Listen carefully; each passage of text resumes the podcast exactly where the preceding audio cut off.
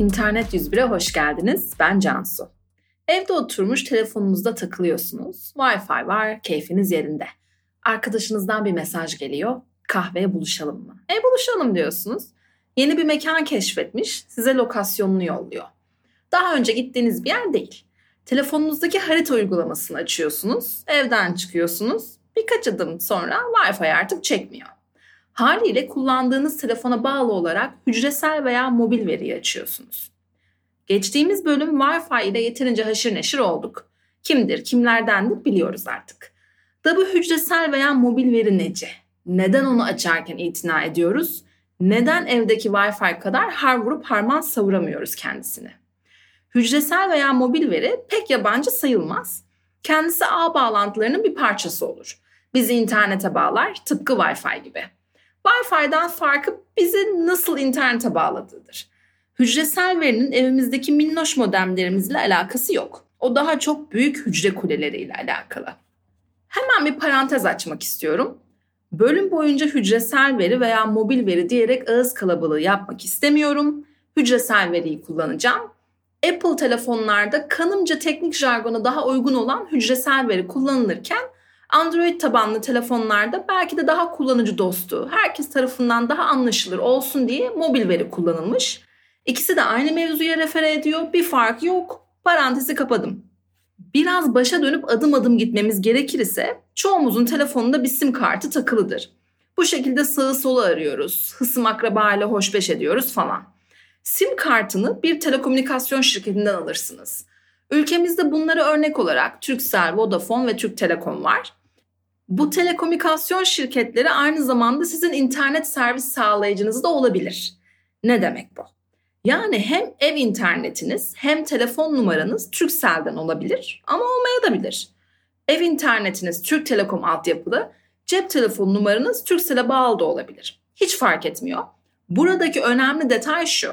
Siz her ay ev internetinizi ayrı bir fatura olarak, cep telefonunuzu ayrı bir fatura olarak ödüyorsunuz. Çünkü ikisinin altyapısı birbirinden apayrı. Dediğim gibi evde olan biteni artık biliyoruz, oraya girmiyorum. Bu bölümde kafayı cep telefonları, hücresel veri ve 5G ile kırıyoruz. Şimdi en son dışarı çıkmış hücresel veriyi açmış mekanı bulmaya çalışıyorduk. Hücresel veriyi açtığımız andan itibaren telefonumuz radyo sinyalleri aracılığıyla en yakın baz istasyonu ile iletişime geçmeye başlar. Aslına bakarsanız uçak modunda olmadığı sürece telefonumuz zaten bir baz istasyonu ile iletişimdedir. Çünkü arama yapabilmek için de baz istasyonları ile telefonumuz arasında radyo sinyalleri gelir gider. Şaşırabilirsiniz ama temelde hücresel veriyi açtığınız an ekstra bir teknoloji aktive etmiş olmuyorsunuz. Yaptığınız tek şey sim kartınızı aldığınız şirkete hey ben interneti kullanacağım bana izin ver demek. Baz istasyonlarının bir diğer adı da hücre kuresidir. İşte hücresel veri buradan gelmekte. Bu baz istasyonlarını günlük hayatta sıkça görüyoruz aslında. Bölümün açıklama kısmına bir fotoğraf linki iliştirdim. Eminim açıp bakınca evet ben bunları daha önce defalarca gördüm diyeceksiniz. Bir direk üzerine iliştirilmiş her biri farklı yöne bakan beyaz kutucuklar şeklinde oluyorlar. Sanki bir direğe 7-8 tane garip görünümlü modem iliştirilmiş gibi. Temelinde baz istasyonu dediğimiz şey üzerinde bolca alıcı verici olan bir kuledir.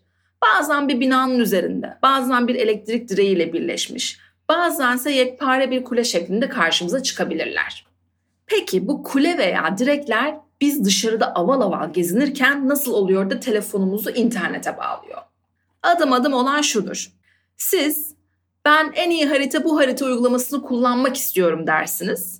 Telefonunuz bunu o an size en yakın ve müsait olan baz istasyonuna radyo sinyalleriyle iletir. Baz istasyonu bu sinyalleri alır ve fiber kablolar ile en iyi harita bu haritanın sunucusuna iletir.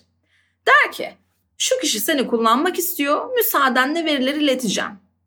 Sonra aynı seyahat tersine gerçekleşir. En iyi harita bu haritadan veriler yola çıkar. Kablolar yardımı ile size en yakın baz istasyonuna ulaşır. Baz istasyonu da yine radyo sinyalleri ile verileri telefonunuza yani size ulaştırır. Baz istasyonlarını bir çeşit devasa uzun menzilli Wi-Fi modemleri olarak düşünebilirsiniz. Peki hücresel veri neden bu kadar cep yakıyor? Şimdi bu baz istasyonlarını kurmak her baba yiğidin harcı değil. Özel ihaleler mi dersiniz? Devletlerden alınması gereken özel izinler mi? Fakat bu topa giren şirketler de bir o kadar güçlü. Dolayısıyla her ne kadar pahalı bir teknoloji ve yenilip yutulamayacak lojistiksel bir operasyondan da bahsetsek, hücresel verinin pahalı olmasının özünde tek bir nedeni var, mecburiyet. Wi-Fi'nin olmadığı bir bölgeye adımımızı attığımız an internete erişebilmek için hücresel veri dışında bir alternatifimiz yok. Hepimizin cebinde cep telefonu var. Hepimiz internete oksijen misali bağlıyız. Şirketler de bunun gayet farkındalar. Şimdi gel gelelim bu bölümün en canılıcı noktasına 5G. Nedir, ne değildir, kanser yapar mı, Covid'i o mu çıkardı? Öncelikle Wi-Fi teknolojisinde kullanılan 5 GHz ile 5G aynı şey değil. Birbirleriyle alakaları yok. 5G 5. jenerasyonun kısaltması. İngilizce'deki generation kelimesinden geliyor sonundaki G. 5 de bize bundan önce 4 tane daha jenerasyon olduğunu anlatıyor. Bu beşincisiymiş efendim. 5G herhangi bir cihazın veya yazılımın ismi değil. Tek bir hedefe işaret edip bakın bu 5G diyebileceğim bir şey yok. 5G tıpkı 4G ve ondan önce gelen jenerasyonlardaki gibi bir teknoloji kümesine verilen isim. Bu kümenin içinde ağ bağlantısını oluşturan yazılımlar, cihazlar, protokoller ve dahası var. İlk bölümden hatırlarsınız bilim insanları internetin altyapısını hazırlarken tüm bilgisayarların iletişim kurabilmesi için bir takım standartlar, bir ortak dil, uyulması gereken bir takım kural ve bürokrasiler belirleyip geliştirmişlerdi. Aynı durum telekom dünyası için de ziyadesiyle geçerli. Apple yarın çıkıp ben yeni iPhone'lara şöyle bir teknoloji koydum. Baz istasyonları da ayağını ona göre denk alsın artık diyemez. Veya Vodafone çıkıp bundan sonra bizi kullanacak olan müşterilerimizin telefonlarında şöyle bir özellik olmak zorunda. Bu özellik sizin telefonunuzda yoksa ne haliniz varsa görün diyemez. Deselerdi bugün geldiğimiz yere gelemezdik. Olan tam olarak şu, ihtiyaçlar doğrultusunda belli aralıklarla telekomünikasyon sektöründeki oyuncular bir araya geliyor ve ortaklaşa kararlar alıyorlar.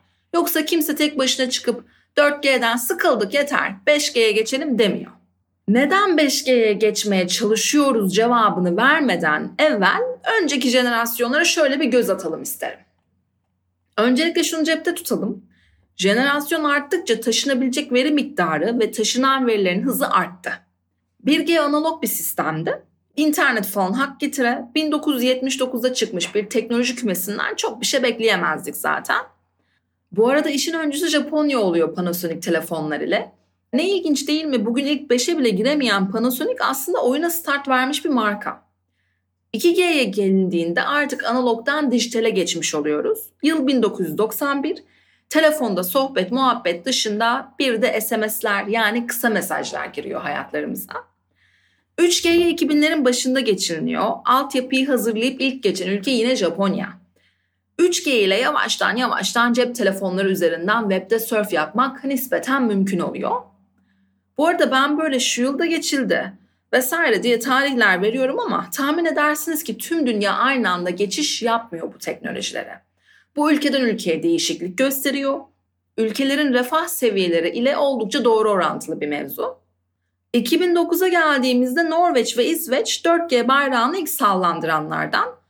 4G'nin ne yapabildiğini veya performansını anlatmama lüzum yok. Çünkü Türkiye'de şu an aktif olarak zaten bu teknolojiyi kullanıyoruz. Hücresel veriyi açınca telefonunuzun sağ üst köşesinde LTE yazıyor ise bilin ki 4G kullanıyorsunuz. 3G yazıyorsa demek ki bulunduğunuz noktadaki baz istasyonu size 4G teknolojisine hizmet veremiyor o an. Gel gelelim 5G'ye. 5G diğer jenerasyonlara göre kat ve kat daha hızlı olacak. Kaç kat mı? Saniyede 20 gigabitlik veri aktarımından bahsediyoruz. Biraz daha basite indirgememiz gerekir ise 5G 4G'den 100 kat daha hızlı. Daha can alıcı bir tarafı var 5G'nin gecikme hızı. 4G'de siz hoşlandığınız kişinin son fotoğrafını bir like attığınız zaman karşı taraf onu yaklaşık 200 milisaniyede alıyordu. 5G'de bu 1 milisaniyeye düşüyor. Evet 1. Neredeyse reel zamanlı diyebiliriz. Bir düşünün ya 1 milisaniye. Bir saniyenin binde biri kadar bir süre bu. 5G daha önce 4G'de kullanılan radyo frekanslarının yanı sıra daha yüksek frekansları da kullanacak. İlkokulda hepimiz görmüşüzdür elektromanyetik spektrumu diye düşünüyorum. Hatırlayamıyorsanız problem değil. Ben açıklamaya birkaç link bıraktım. Ama işin özeti şu.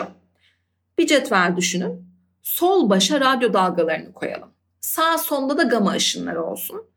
Cetvelin ortasında insan gözüne görünür ışık var.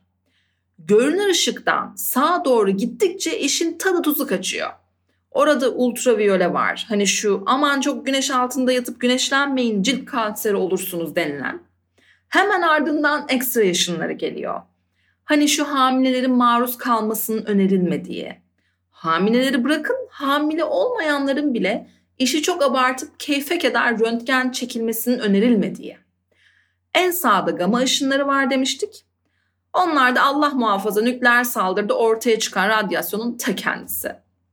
Şimdi derin bir nefes alın. Çünkü 5G cetvelin ortasına koyduğumuz görünür ışığın sağında değil solunda kalıyor.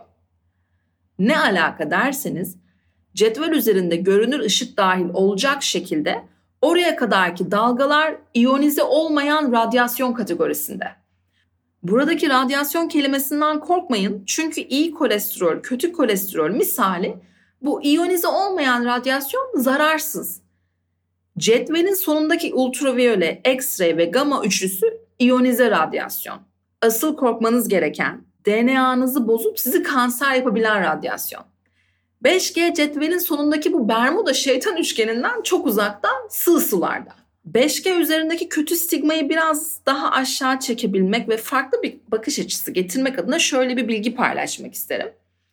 Az önce çok kötü dediğim, cetvelin en sağına koyduğum, arasında nükleer saldırı ile doğru orantı kurduğum gama ışınları aynı zamanda kanser tedavisinde de kullanılıyor.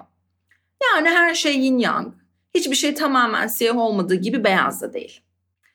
Evet, felsefede yaptığıma göre konumuza geri dönüyorum. 5G iki katmandan veya kısımdan oluşuyor diyebiliriz. İlki bugüne kadar 4G ve diğer jenerasyonlarda da kullandığımız düşük frekanstaki dalga boylarından oluşuyor. Bu kısmın pek bir esprisi yok. 5G'nin fark yaratan özellikleri bu düşük frekanstaki dalga boylarından kaynaklı değil. 5G'nin asıl fark yaratan kısmı milimetre dalgaları diye adlandırılan yüksek frekanstaki dalga boylarını kullanıyor olmasından kaynaklı. Bu dalga boyları hali hazırda radarlarda ve hava alanlarındaki güvenlik cihazlarında zaten kullanılmakta. Yani öyle insan elinin daha önce değmediği bir dalga boyundan bahsetmiyoruz.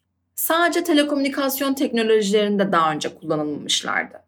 İşte tüm bu yüksek hız, band genişliği gibi özellikler milimetre dalgaları sayesinde hayata geçiyor. Fakat bu dalgalar çok uzun mesafe yol kat edemiyor. Kısa menzilliler. Bir de havadan sudan nem kapıyorlar. Ciddiyim. Yağmur ve nem oranı bile etkileyebiliyor bunları. Veya istasyon ile cep telefonunuz arasında duran bir ağaç. Bu da daha fazla, daha sık yerleştirilmiş baz istasyonları demek. 5G istasyonları 4G'ye kıyasla çok daha minimaller, daha az yer kaplıyorlar. Bu teknolojinin zaten büyük kalabalıkların olduğu, büyük şehirler için uygun olduğunu düşünecek olursak, şehrin görsel kalabalığında ekstradan sağa sola yerleştirilmiş pizza kutusu büyüklüğündeki 5G alıcıları gözümüzü çok da yormayacaktır.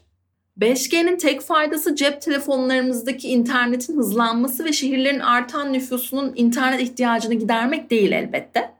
Hatta bunun sadece olumlu bir yan etkiden ibaret olduğunu düşünenler var. Çünkü 5G nesnelerin interneti için bir nevi endüstri devrimi olacak. 5G sayesinde akıllı şehirler, akıllı fabrikalar, otonom arabalar ve kulağa bilim kurgu filmlerinden fırlamış gibi gelen pek çok şeyin altyapısı hazırlanmış olacak. Bu mevzuyu bu bölümde daha fazla deşmeyeceğim. Çünkü nesnelerin interneti ve akıllı şehirler başlı başına apayrı bölümleri hak etmekte. 5G yarışında ipi göğüsleyen ülke Çin oldu. Hemen ardından Amerika. Bakır madalyayı ise an itibariyle Filipinler aldı. Sırasıyla Güney Kore, Kanada, İspanya, İtalya, Almanya, İngiltere ve Suudi Arabistan 5G ile çoktan haşır neşir olmaya başlayan ülkeler arasındalar. Burada durup Çin'in altını çizmek istiyorum. Çünkü Çin ipi öyle böyle göğüslemedi. 5G için gereken cihazları geliştiren şirketlerden biri Huawei. Huawei tüm dünyaya 5G için gerekli olan Arduino ekipmanlarını satıyor. Çünkü rakiplerine göre çok daha ucuz. Çin yönetim sisteminden ötürü tamamen özel şirket oluşumuna izin vermiyor. Demokrasi. Çin'de kurulan her şirkette devletin ortaklığı var. Dolayısıyla bir kesim insanlar gayet haklı olarak Huawei'nin ürünlerinde bir arka kapı olabileceğini ve bunun da hem bireylerin mahremiyeti hem de ulusal güvenlik açısından pek de hoş bir durum olmayacağını düşünüyor. Maalesef ülkemiz 5G'ye uzaktan yakından hazır değil.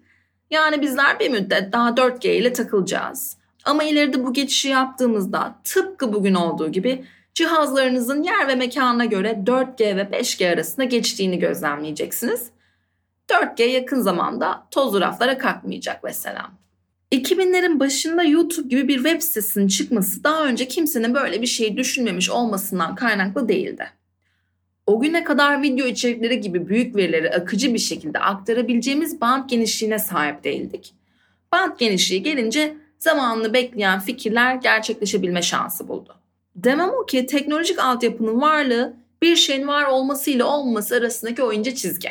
Kim bilir 5G altyapısıyla şu an hayatımızda olmayan ne gibi uygulamalar, teknolojiler çıkacak ortaya bekleyip göreceğiz. Pek sevgili internet 101 dinleyicileri, bir bölümün daha sonuna geldik. Fakat geçtiğimiz 3 bölümde olduğu gibi bu bölümü özlü bir söz, felsefe dolu birkaç cümleyle bitirmeyeceğim. Zira yapmam gereken ufacık bir duyuru var. Dolayısıyla acelesi olanlar aramızdan ayrılabilirler. Diğer podcastlere özenip kendimize bir sosyal medya hesabı mı edinsek diye düşündüm. Sonra yok dedim Cansu sen bu işi beceremezsin. İki gün bakar, üçüncü gün yetişemezsin kızım dedim. Zira daha önceden de çeşitli hobi, ilgi alanlarımı özel sosyal medya hesapları edinip hevesle içerik üretip belli bir zaman zarfından sonra diğerleri terk etmişliğim var. Nedendir bilmem bendeki sosyal medya kontenjanı tek bir hesap ile sınırlı. Aktif olarak kullandığım bir Instagram hesabım var. Cansu Luna Karaboğa diye arattığınızda çıkan insan evladı ben olacağım. Şimdilik sizleri oraya davet ediyorum. Belki bu sese bir yüz koymak, öneri ve düşüncelerinizi dile getirmek istersiniz. Bunun dışında tek kişilik dev kadro olarak boş zamanlarımdan biriktirerek yapmaya çalıştığım bu podcast'i eşe dosta tavsiye ederek beni daha çok gaza getirip daha hızlı ve çok bölüm çekmemi sağlayabilirsiniz. Duyuruların da sonuna geldik. E hadi görüşmek üzere.